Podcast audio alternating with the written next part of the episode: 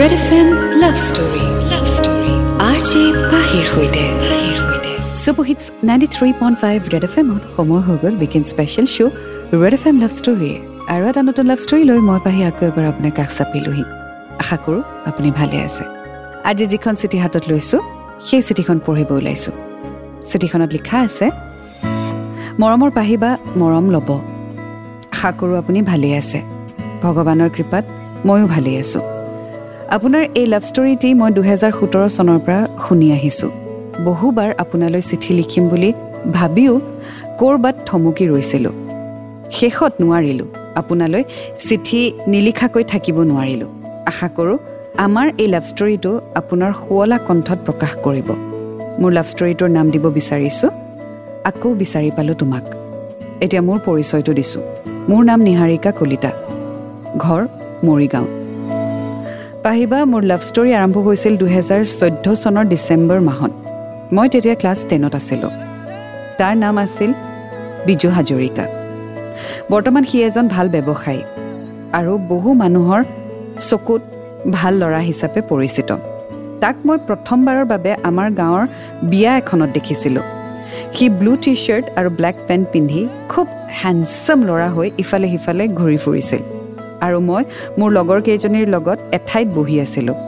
তাক মই চায়ো আছিলোঁ মনে মনে। ভাবি আছিলোঁ ক'ৰ ল'ৰা এইটো?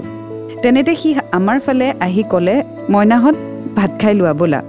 সকলোৱে ভাত খাবলৈ উঠি গ'ল। মই কিবা ভাবি থাকিলোঁ। সি আকৌ মাত লগালে।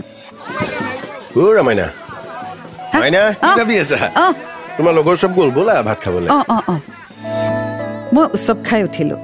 ভাত খাই বৈ আহি আমি আকৌ সেই একেই ঠাইতে বহিলোঁ। আহি দেখিলোঁ সি মানুহবোৰক মাতি আছিল ভাত খাবলৈ।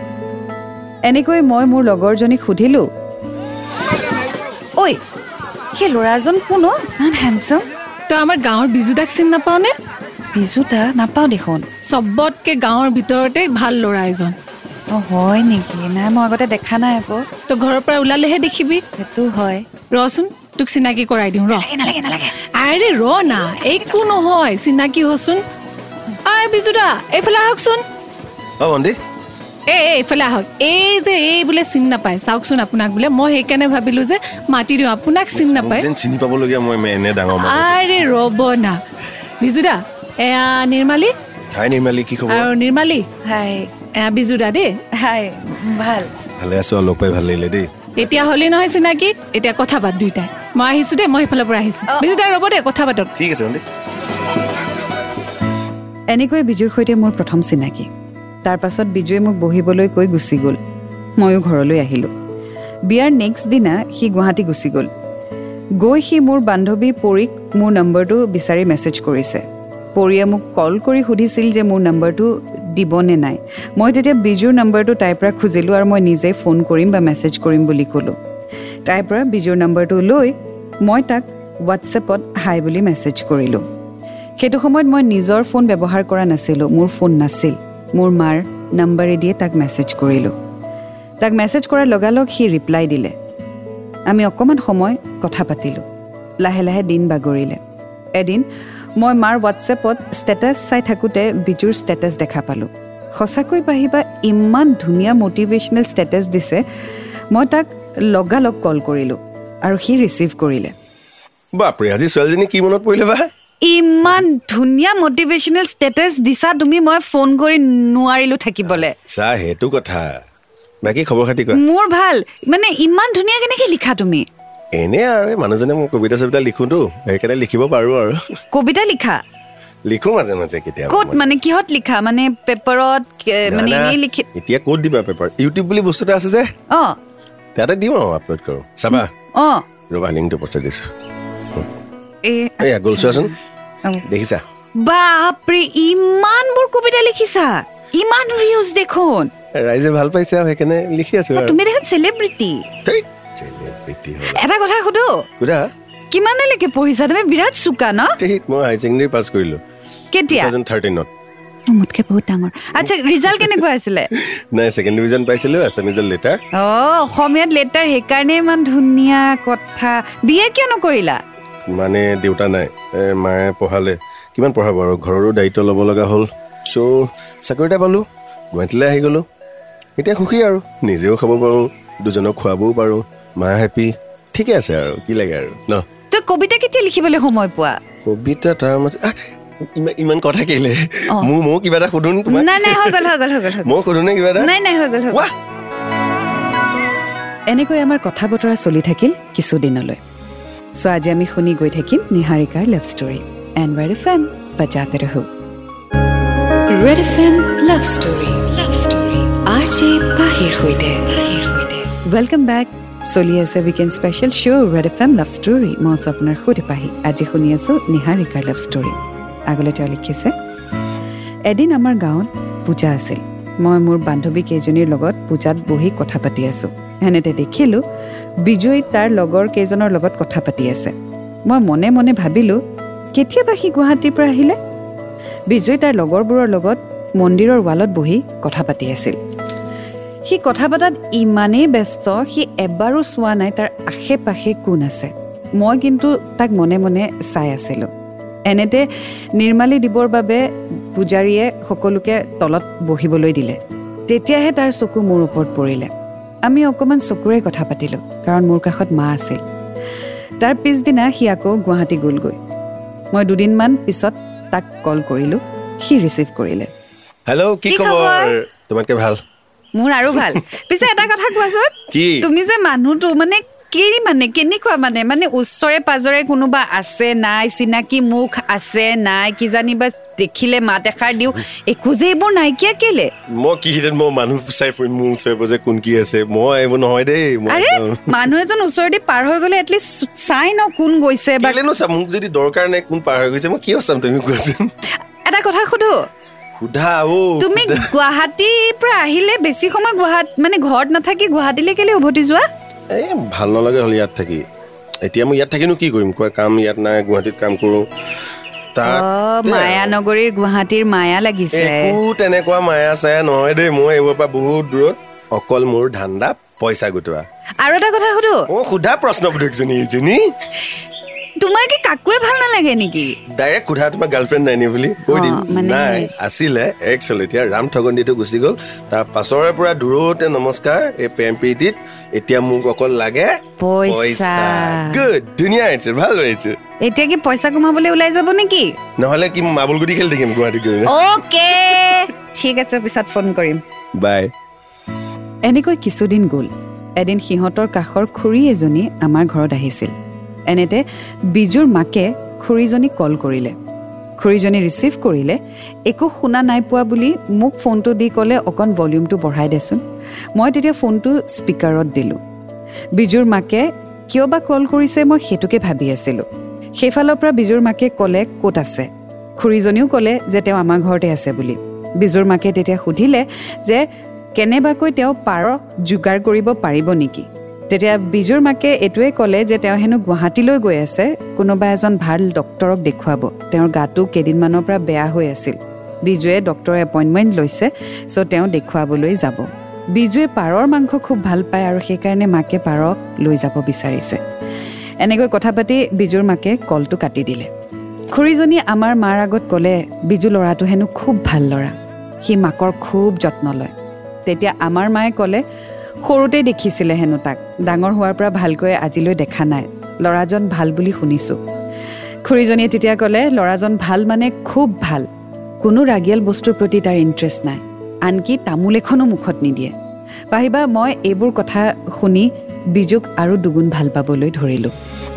চ' এটা কথা খাটাং হৈ গ'ল যে নিহাৰিকা অলৰেডি বিজুৰ প্ৰেমত পৰিছে। ইমানবোৰ প্ৰশ্ন আচলতে এইটো কাৰণেই সুধি আছিল কাৰণ তাইও বিচাৰিছে যে বিজুই তাইৰ প্ৰতি অকণমান ইণ্টাৰেষ্টেড হওক বা ইণ্টাৰেষ্ট দেখুৱাওক। বাট এইটো কথাও হয় যে বিজু আৰু তাইৰ মাজত এইজ ডিফাৰেঞ্চ বহুত বেছি। চ' আগলৈ কি হয় জানিবলৈ শুনি থাকক আজিৰ লাভ ষ্টৰী আকৌ বিচাৰি পালোঁ তোমাক। ৰেড এফ এম বজাতে ৰহ। Red F M love story love story R J পাহিৰ সৈতে। ৱেলকাম বেক শ্ব' চলি আছে Red F M love story মই আছোঁ আপোনাৰ সৈতে পাহি শুনি আছোঁ আজি নিহাৰিকাৰ ষ্টৰী আকৌ বিচাৰি পালোঁ তোমাক আগলৈ তেওঁ লিখিছে তাৰ পাছত আকৌ এদিন তাক মই মাৰ মোবাইলৰ পৰা কল কৰিলোঁ সি ৰিচিভ কৰিলে কি খবৰ তোমাতকে ভাল মোৰ বেছি ভাল হেৰি নহয় এটা কথা সুধো তোমাৰ তোমাৰ মই এদিন কাম কৰোঁ নি এদিন তোমাক লগ কৰোঁ যিমান সুধিব লগা আছে একেদিনাখনে সুধি দিবা। নহয়। কোৱা কোৱা। ফোনত সুধিবলৈ সহজ। ভাল লাগে ন? অঁ। কোৱা। হেৰি নহয় কোৱা। তোমাৰ এতিয়া কোনোবা গাৰ্লফ্ৰেণ্ড আছে নেকি? অ' নাই অ' কোৱা নাই জানো মই নাই বুলি। অঁ, আৰু এটা কথা সুধো। সোধা। কাক কাকো ভাল পাবলৈ মন নাযায় নেকি? আচলতে কি জানা এইবোৰ প্ৰতি মোৰ বিশ্বাসটো হেৰাই গৈছে আৰু মই এইবোৰত পৰি আকৌ নিজকে কষ্ট দিবলৈ বা দুখ পাবলৈ বা এনেকুৱা এইবোৰ লাগি থাকিবলৈ মন। আই লাভ ইউ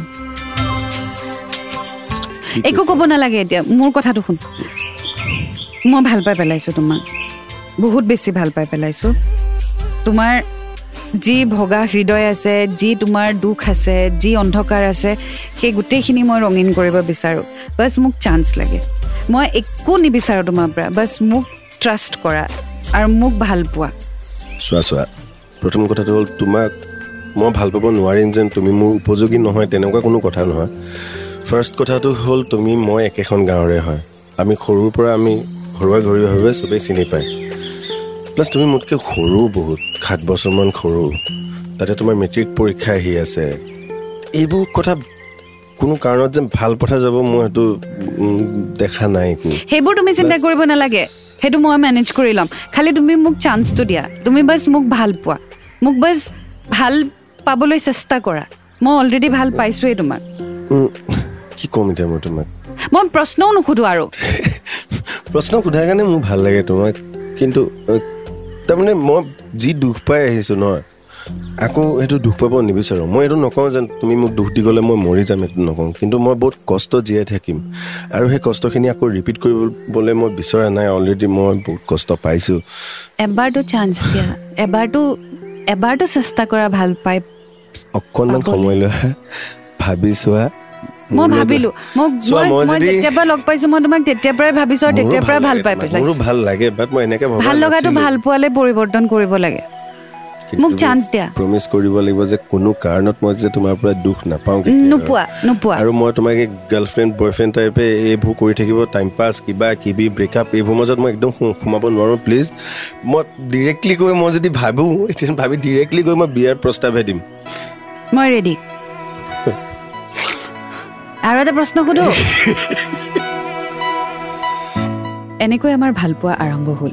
ধুনীয়াকৈ গৈ থাকিল আমাৰ ভালপোৱা। পাহিবা সি ডিউটিৰ পৰা ৰুম আহি আকৌ ৰাতিলৈ আড্ডা মাৰিবলৈ যায়। মই কেতিয়াবা তাক কওঁ অলপ সোনকালে ৰুম আহিবাচোন। তেতিয়া সি এটা কথাই কৈছিল এয়া আজিৰ আড্ডা নহয় গুৱাহাটী অহাৰ পৰাই।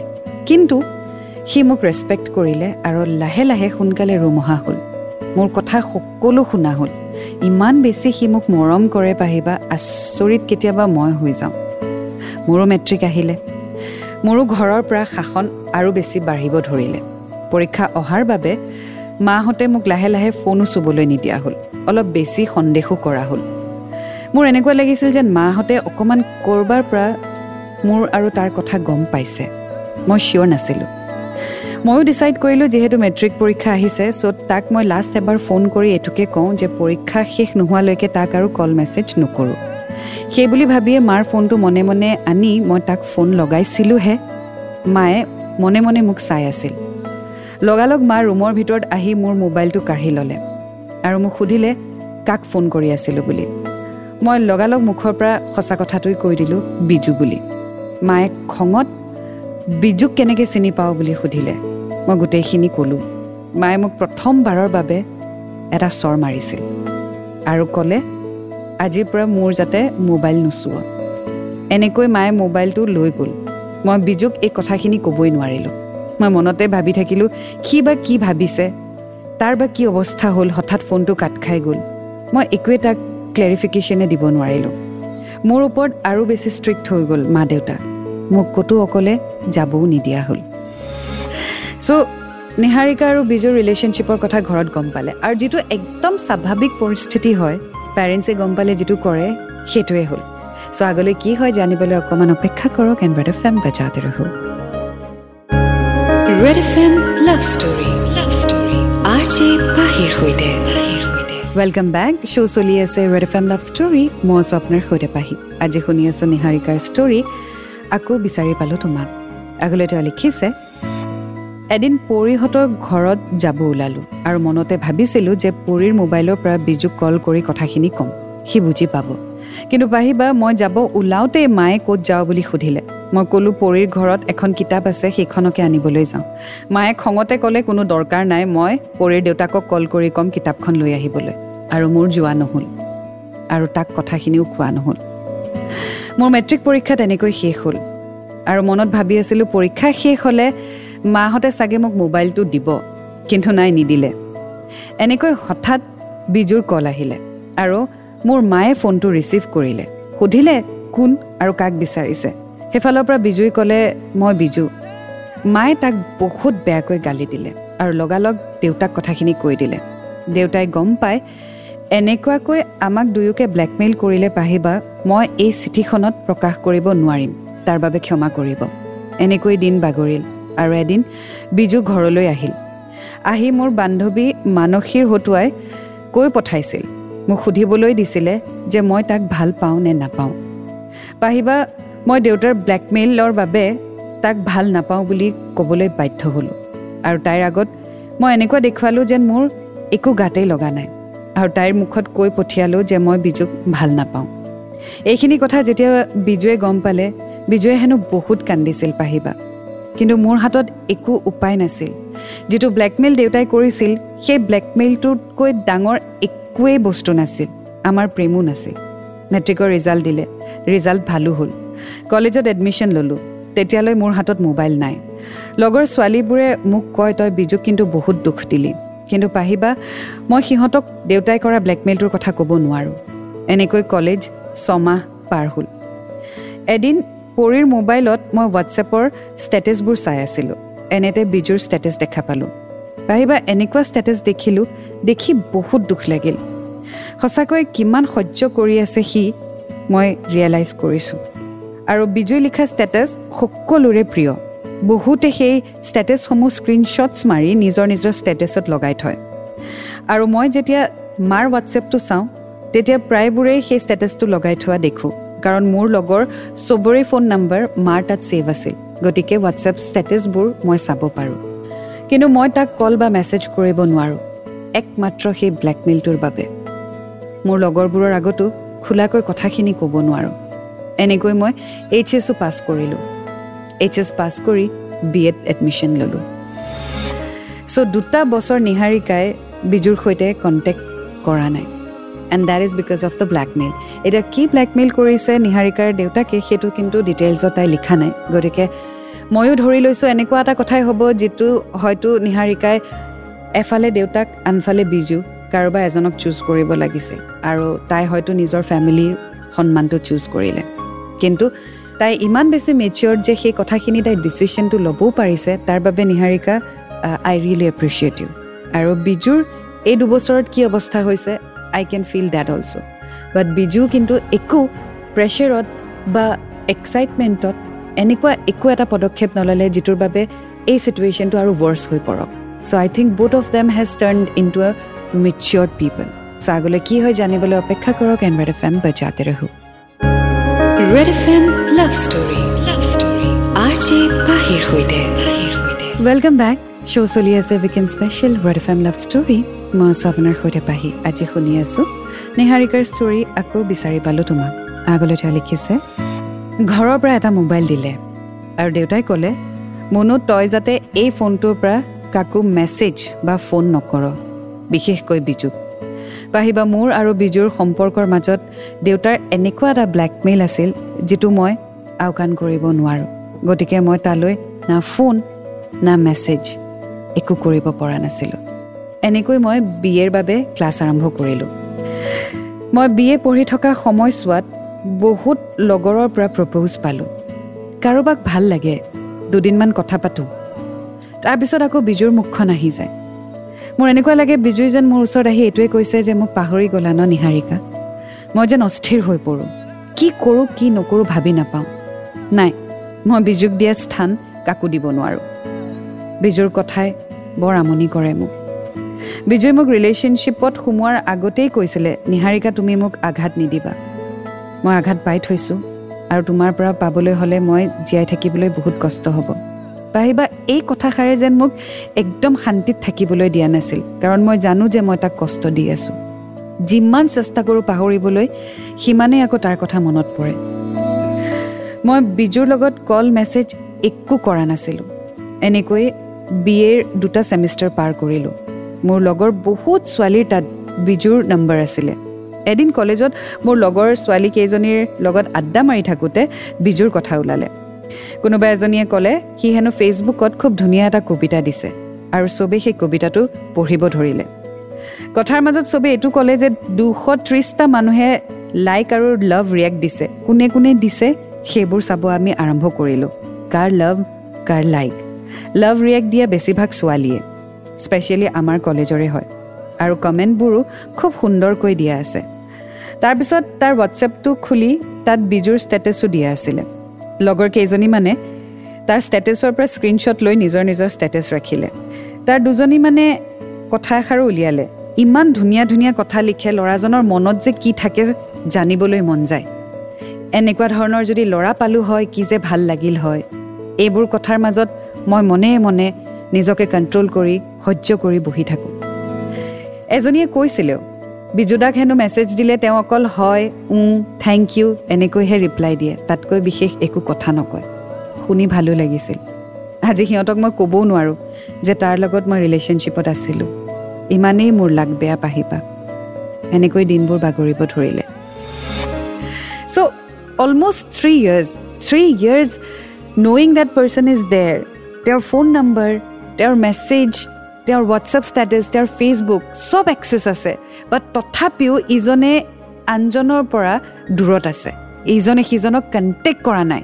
মানে কিমান ষ্ট্ৰং হ'ব তেওঁলোকৰ ৰিলেশ্যনশ্বিপ ভাবক যে দুয়োটাই দুই পৰা আঁতৰত থাকিও ভালপোৱাটো কমা নাই কিন্তু সন্মানটো ৰাখিছে। আৰু সন্মানটো হৈছে নিহাৰিকাৰ দেউতাকে দিয়া সেই কথাখিনি বা সেই প্ৰমিছটি বা সেই ব্লেকমেইলটি এনেকুৱা প্ৰেম আচলতে পাবলৈ সঁচাকৈ টান। And I really really feel good about Niharika and Biju. I hope this is a successful love story I just hope and pray so' আগুৱাই গৈ থাকিম এণ্ড ৰেড এফ এম বজাতে ৰহো Red F M love story love story R J পাহিৰ সৈতে welcome back Red F এমত শুনি আছে আপুনি weekend special show' Red F M love story মই আছোঁ আপোনাৰ সৈতে পাহি শুনি আছোঁ নিহাৰিকাৰ ষ্টৰী আকৌ বিচাৰি পালোঁ তোমাক আগলৈ তেওঁ লিখিছে দিনবোৰ পাৰ হৈ গৈ থাকিল লগৰ বেছিভাগেই বিজয় দিয়া ষ্টেটাছবোৰ স্ক্ৰীণশ্বট মাৰি নিজৰ ষ্টেটাছ দিয়ে। আৰু সেয়াই মই চাই থাকোঁ। এদিন মই মাৰ মোবাইলটো এনেই কিবা কিবি চাই থাকোঁতে এনেতে হোৱাটছএপটো খুলিলোঁ। তাত মোৰ লগৰ এজনীয়ে মানে ৰিম্পীয়ে বিজুই দিয়া ষ্টেটাছ এটা নিজে স্ক্ৰীণশ্বট মাৰি থৈ দিছিলে আৰু সেই ষ্টেটাছটো মাও চালে। মায়ে পঢ়িলে আৰু ক'লে কোন হয় এয়া? মই ক'লোঁ মোৰ লগৰ ছোৱালী ৰিম্পী। মায়ে তেতিয়া প্ৰশংসা কৰিলে ইমান ধুনীয়া লিখে। খুব চোকা চাগে ন ছোৱালীজনী? মই কিন্তু নক'লোঁ সেয়া যে বিজুৱে লিখা কবিতা। এনেকৈ দিনবোৰ গৈ থাকিলে। এদিন মই মোৰ লগৰ এজনীৰ পৰা তাৰ হোৱাটছএপ চেক কৰিলোঁ। ডিপি কি আছে? এবাউটত কি আছে? ইমান মৰম লগা ফটো এখন ডিপি হিচাপে থৈছে পাহিবা মই মানে কণ্ট্ৰল কৰিব পৰা নাছিলোঁ। আৰু এবাউটত পঢ়িলোঁ তাত লিখা আছে তোমাৰ হৃদয়ৰ পৰা মোক বহিষ্কাৰ কৰাৰ পিছত ময়ো মোৰ হৃদয়ত নিষিদ্ধ কৰি লোৱা তোমাক। পাহিবা এই কথাখিনিয়ে যেন মোৰ বুকুত এটা ডাঙৰ খুন্দা মাৰিলে। ভুল মোৰ জানো মই। কাৰণ মেট্ৰিক নিদিয়াৰ পৰা আজিলৈকে তাৰ লগত মই এটাও কণ্টেক্টেই কৰা নাই। আনকি মোৰ লগৰ ছোৱালীৰ হতুৱাই যেতিয়া সি সুধিছিল মই তাক ভাল পাওঁ নে নাপাওঁ মই নাপাওঁ বুলিয়ে কৈ পঠিয়াইছিলোঁ। সেই সময়ত যে কিমান দুখ লাগিছিল মই অনুভৱ কৰিছিলোঁ। কিন্তু মোৰ যে হাতত একো উপায় নাছিল পাহিবা। নহ'লে তাৰ বহুত বিপদ হ'ল হয়। ভগৱানক সাক্ষী কৰি যি হয় হ'ব বুলি এনেকৈ কৈ পেলাইছিলোঁ। পাহিবা ছোৱালীৰ জীৱনটো বৰ কঠিনো একো স্বাধীনতাই নাই। কিছুদিন এনেকৈ গ'ল। এদিন গধূলি মই মা দেউতা ৰাস্তাত বহি আছিলোঁ। এনেতে দুখন বাইক অহা দেখিলোঁ। আমি চাই আছিলোঁ বাইক দুখনলৈ। কেইজনমান ল'ৰা আহিছিল বেগ লৈ। মই ভালকৈ চাওঁতে দেখিলোঁ আগত আছিল বিজু। আৰু সেয়া চাগে তাৰ লগৰ। সিহঁত চাগে গুৱাহাটীৰ পৰা আহিছে কেইদিনমানৰ বাবে। সি মোৰ ফালে চাইছিলে এবাৰ আৰু তাৰ লগৰবোৰেও মোলৈ চাইছিলে। আৰু তেনেকৈ সিহঁত আমাৰ ঘৰ পাৰ হৈ গুচি গ'ল। মায়ে হঠাৎ সেইখিনি সময়ত ক'লে মুনু তোক যে ভাল পাইছিল এইজন ল'ৰাই নহয় জানো? সি ইমান শকত হৈছে চা? মই একো নামাতিলোঁ পাহিবা মোৰ মনটোৱে কিন্তু খুব কান্দিছিল তাক দেখি। মই এইটোৱে ভাবিছিলোঁ মোৰ কলেজৰ চব ছোৱালীয়ে তাক ভাল পায় সকলোৱে তাক বিচাৰে। সকলোৱে তাৰ লগত কথা পাতিব বিচাৰে। মোৰ লাকটো চাওক তাক মই নিজৰ বয়ফ্ৰেণ্ড হিচাপে লাইফত পাইছিলোঁ কিন্তু ময়ে তাক আঁতৰি যাবলৈ দিলোঁ। ইমানেই মই আনলাকি এনেকৈ আকৌ বহুদিন পাৰ হ'ল। এদিন মায়ে কাষৰ খুৰী এজনীক কৈ থকা শুনিলোঁ বিজুৰ কথা। মায়ে কৈ আছিল সি ল'ৰাটো বেয়া নহয় বুলি বহুতৰ মুখত শুনিছোঁ কিন্তু তেতিয়া আমাৰ মুনু বহুত সৰু আছিল নহয় মেট্ৰিক দিয়াই নাছিল। দেউতাকৰো যি খং।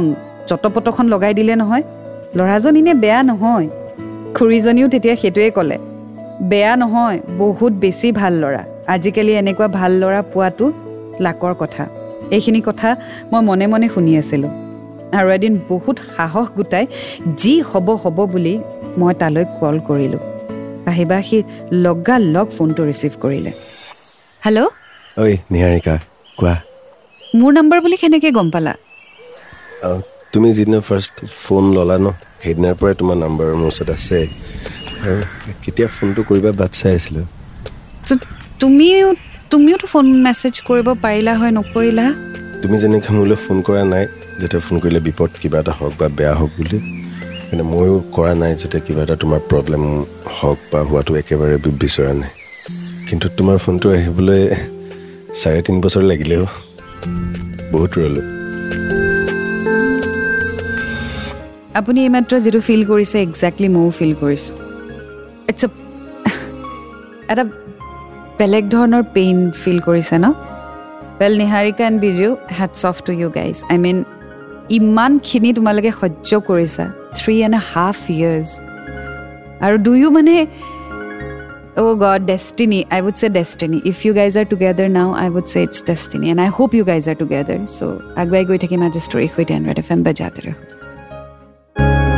Red F M love story love story R J পাহিৰ সৈতে ৱেলকাম বেক শ্ব' চলি আছে Red F M love story মই আছোঁ আপোনাৰ সৈতে পাহি। শুনি আছোঁ নিহাৰিকাৰ ষ্টৰী আকৌ বিচাৰি পালোঁ তোমাক। আগলৈ তেওঁ লিখিছে এনেকৈ আৰু কিছুদিন বাগৰিলে। আৰু মই জানো মোৰ লগৰ ছোৱালী এজনীৰ লগত বিজুৰ বহুত ঘনিষ্ঠতা। সকলো কথা বিজুৱে তাইক শ্বেয়াৰ কৰে। তাইৰ লগত সেইদিনা মই বহুত কথা পাতিলোঁ। আৰু এটা ৰিকুৱেষ্ট কৰিলোঁ। তাইক বিজুক ফোন লগাবলৈ ক'লোঁ তাই কিন্তু মোক এইটোৱে কৈছে তই মুখেৰে একো মাত নিদিবি। চ' স্পীকাৰত থৈ তাই বিজুক ফোন লগালে। অ বিজদা কথা এটা কওকচোন। কোৱা। দিনটো কিনো কৰি থাকে? কাম আকৌ কাম কৰোঁ পইচা ঘটো মোৰ এতিয়া জীৱনৰ উদ্দেশ্য হ'ল পইচা ঘটে। হৈছে হৈছে আৰু কাম কিমান কৰিব আৰু কাম? গোটেই? জীৱন কি কামেই কৰি থাকিব নেকি নহ'লে কি কৰিম? কি কৰিম মানে? বিয়াখন পাতক। বিয়া। নালাগে দিয়া এনেকেই সুখী আছে এনেকেই ভাল লাগি আছে। বাৰু বুজিছো আপুনি কাম দিনটো বাৰু কাম কৰে। অফিচৰ পৰা আহি ঘৰত আহি কি কৰে? মোৰ নিজে খোৱা বোৱা যোগাৰ কৰি আকৌ কিবা কিবি ধৰোঁ। কি কৰিবা নহ'লে? কিমান আৰু নিজে কৰি খাব। এজনী আনক আকৌ। বনাই খুৱাবলৈ লৈ আনক এজনী। কিমান দিন অকলে থাকে? চোৱা এইটো কথা জানাই মই শুনিলে বহুত কিবা ভাল নালাগে হা। জানাই মোৰ লগত কি হৈ আছে আগৰ পৰা কি হৈছে এতিয়া কি হৈছে। এইবোৰ একদম চিন্তা কৰিবলৈ মনেই নাযায়। মই যেনেকৈ আছোঁ তেনেকেই সুখী। আৰু প্লিজ এইবোৰ কথা মুখত নুলিয়াবা। বিজুদা ৰ'বচোন ৰ'ব ৰ'ব। মই বুজিছো আপোনাৰ কথাটো। কিন্তু এনেকে আৰু সদায় থাকিবনে আপুনিতো জীৱনত আগবাঢ়িব লাগিব ন? জীৱনে যেনেকৈ লৈ যায় গৈ থাকিম। কিন্তু এই দুখবোৰ সহ্য কৰাতকৈ এনেকেই মই বহুত সুখী আছোঁ। নাই নাই এনেকে কেনেকে হ'ব হ'ব দিয়া নিজে বিয়া চিয়া পাতি লোৱা মোক। ৰ'বচোন মই আপোনাৰ সদায় ভাল হোৱাটো বিচাৰোঁ। ইমান ভাল ল'ৰাজন ইমান ভাল কাম কৰাৰ পিছত আৰু এনেকে অকলে থাকিব দিব পাৰি নেকি? অকলে। নিহাৰিকা ভালে আছেনে? উপায় নোহোৱাত জোনমণিক মই দেউতাই কৰা ব্লেকমেইলৰ কথা কৈ দিলোঁ।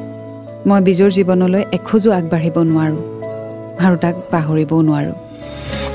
ৱেল নিহাৰিকা এতিয়া আচলতে চবৰে মনত এইটোৱে প্ৰশ্ন যে কি ব্লেকমেইল এনেকুৱা কি কথা ক'লে তোমাৰ দেউতাই যিটো কাৰণে আজি তোমালোক দুয়ো ইমান কষ্টত থাকিবলগীয়া হৈছে? না তোমালোকে ধৰিব পাৰিছা না তোমালোকে এৰিব পাৰিছা। আৰু বিজুৱে ইমান তোমাক ভাল পায়। আই থিংক ইমান অনেষ্টলি ইমান পিয়'ৰ হাৰ্ট পিয়'ৰ চ'লেৰে যদি কাৰোবাক ভাল পোৱা যায় ভগৱানেও হাৰ মানে দেই। এণ্ড আই হোপ তোমাৰ দেউতা হাৰ মানিছে। I hope and pray so' last কিছু কথা লিখিছে আমি অন্তিম পৰ্যায়লৈ পাইছোঁহি। আপুনি অপেক্ষা কৰক জানিবলৈ কি হয়। ৰেড এফ এম বাজাতে ৰহ Red F M love story love story R J পাহিৰ সৈতে ৱেলকাম বেক শ্ব' চলি আছে weekend special Red F M love story শুনি আছোঁ আজি নিহাৰিকাৰ ষ্টৰী আকৌ বিচাৰি পালোঁ তোমাক শেষত লিখিছে এনেকৈ কিছুদিন গ'ল মা দেউতাই এতিয়াও তাৰ লগত একো ৰিলেশ্যনশ্বিপ নথকা বুলিয়ে ভাবে এদিন মই তাক কল কৰিলোঁ হেল্ল' অ' নিহাৰিকা বহুত বছৰৰ মূৰত বিয়া মাতিবলৈ ফোন কৰা নাইতো তুমিতো ভালেই পোৱা চাগে ন মোৰ বিয়া হৈ গ'লে ভালেই পাম। তোমাৰ ভাল হোৱাতে বিচাৰোঁ সদায় বাকী ঘৰত ভাল সকলোৱে? আছে ভালে আছে। ভালে থাকিব লাগে ভালে থকাটোৱে ভাল চবেই। তুমি মোক পাহৰি গৈছা ন?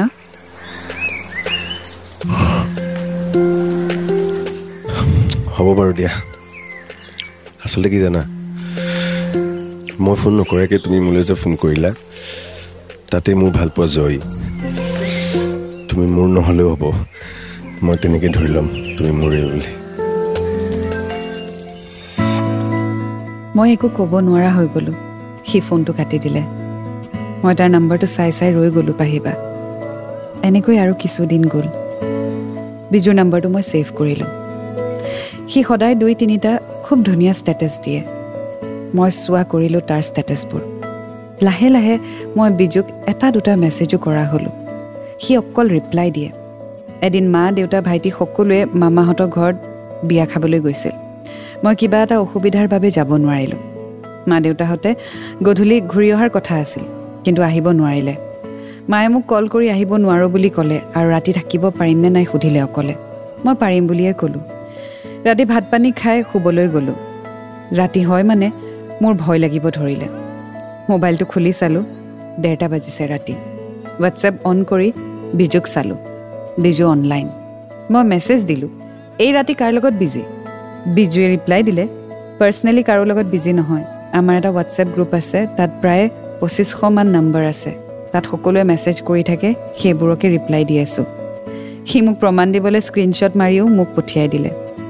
মই তেতিয়া তাক সুধিলোঁ তোমাক কল কৰিব পাৰিমনে? সি অ'কে বুলি ক'লে আৰু মই ফোন কৰিলোঁ। সেইদিনা আমি পুৱা চাৰি বজালৈকে কথা পাতিলোঁ। ৰাতিপুৱা ডিউটি আছে গতিকে সি ফোনটো থওঁ বুলি ক'লে। মোৰো কলেজ আছে গতিকে ময়ো শুই গ'লোঁ। এনেকৈ মোৰ বি এ কমপ্লিট হ'ল। মাহঁতে আৰু গম পাইছে চাগে যে মই বিজুৰ লগত আকৌ কথা পতা কৰিছোঁ। এদিন দেউতাই কৈ দিলে তই এতিয়া সৰু হৈ থকা নাই ডাঙৰ হলি। বিজুৰ লগত তোক মই বিয়া নিদিওঁ।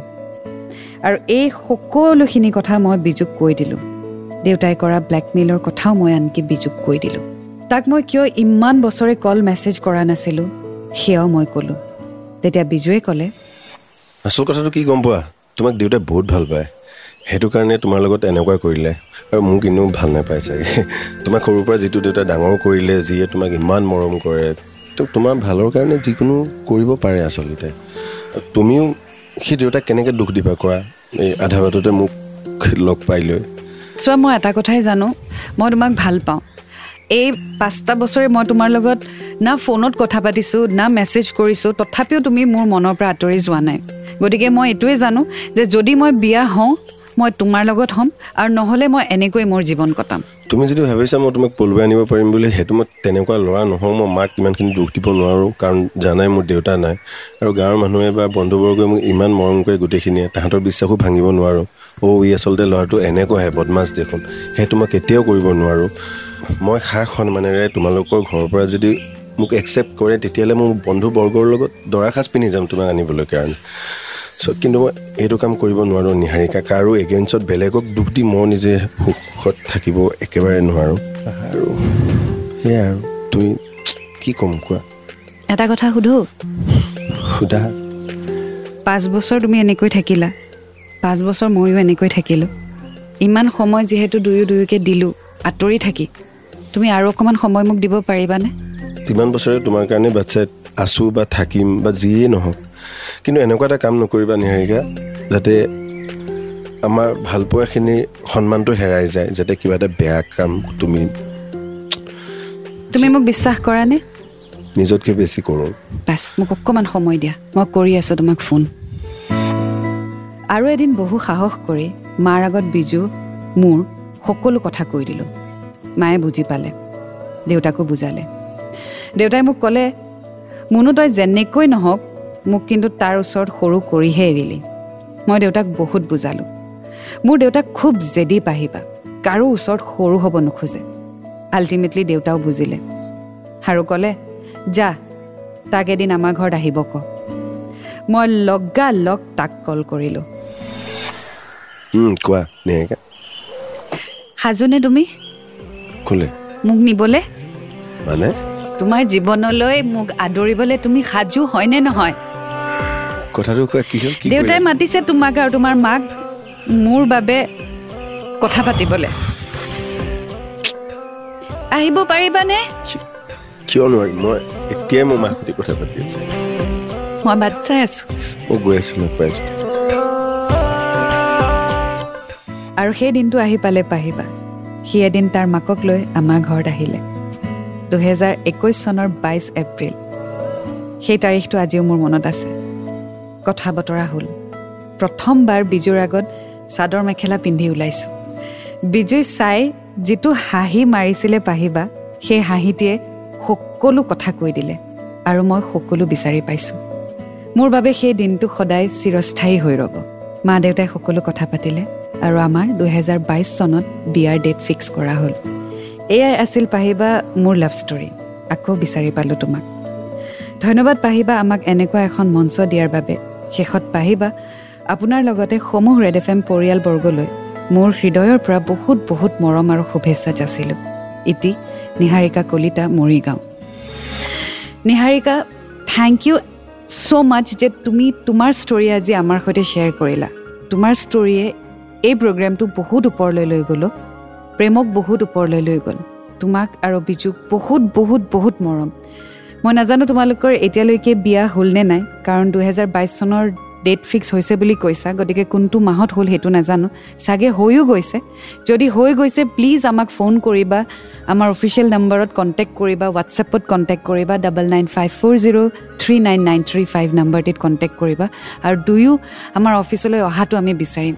আমি একচুৱেলি চাব বিচাৰোঁ যে প্ৰেমৰ যদি এখন মুখ থাকিল হয় কেনেকুৱা হ'ল হয়? আৰু প্ৰেমৰ মুখৰ উদাহৰণ তোমালোক দুয়ো। গতিকে আমি ডেফিনেটলি তোমালোকক লগ পাব বিচাৰোঁ। আৰু হয়তো জীৱনত প্ৰথমবাৰ কাৰোবাক এনেকৈ আঁকোৱালি ল'ব বিচাৰিছোঁ লগ ধৰিব বিচাৰিছোঁ কাৰোবাৰ লাভ ষ্টৰী শুনি আমাৰ ৰেড এফ এমৰ এণ্টায়াৰ টীম ইয়াত চকুলো টুকিছোঁ। গতিকে তোমালোকক সঁচাকৈ লগ পাব বিচাৰিছোঁ। Thank you so' much for inspiring me also' I really really feel I am in love again thank you Niharika and Biju hats off to you man সাংঘাতিক তোমাৰ নিচিনা ল'ৰা পোৱাটো ভাগ্যৰ কথা। চ' এয়া আছিলে নিহাৰিকা আৰু বিজুৰ সুন্দৰ লাভ ষ্টৰী আকৌ বিচাৰি পালোঁ তোমাক। এটা নতুন ষ্টৰীৰ সৈতে আকৌ লগ পাম। যিসকলে আজি চকু পানী টুকিছে ডোণ্ট ৱাৰি আমিও টুকিছোঁ। Cherish the love this is a successful love story so' until we meet again to fall in love It's a great feeling. You will get to learn a lot. And always remember, I love you. Red FM, bachate raho.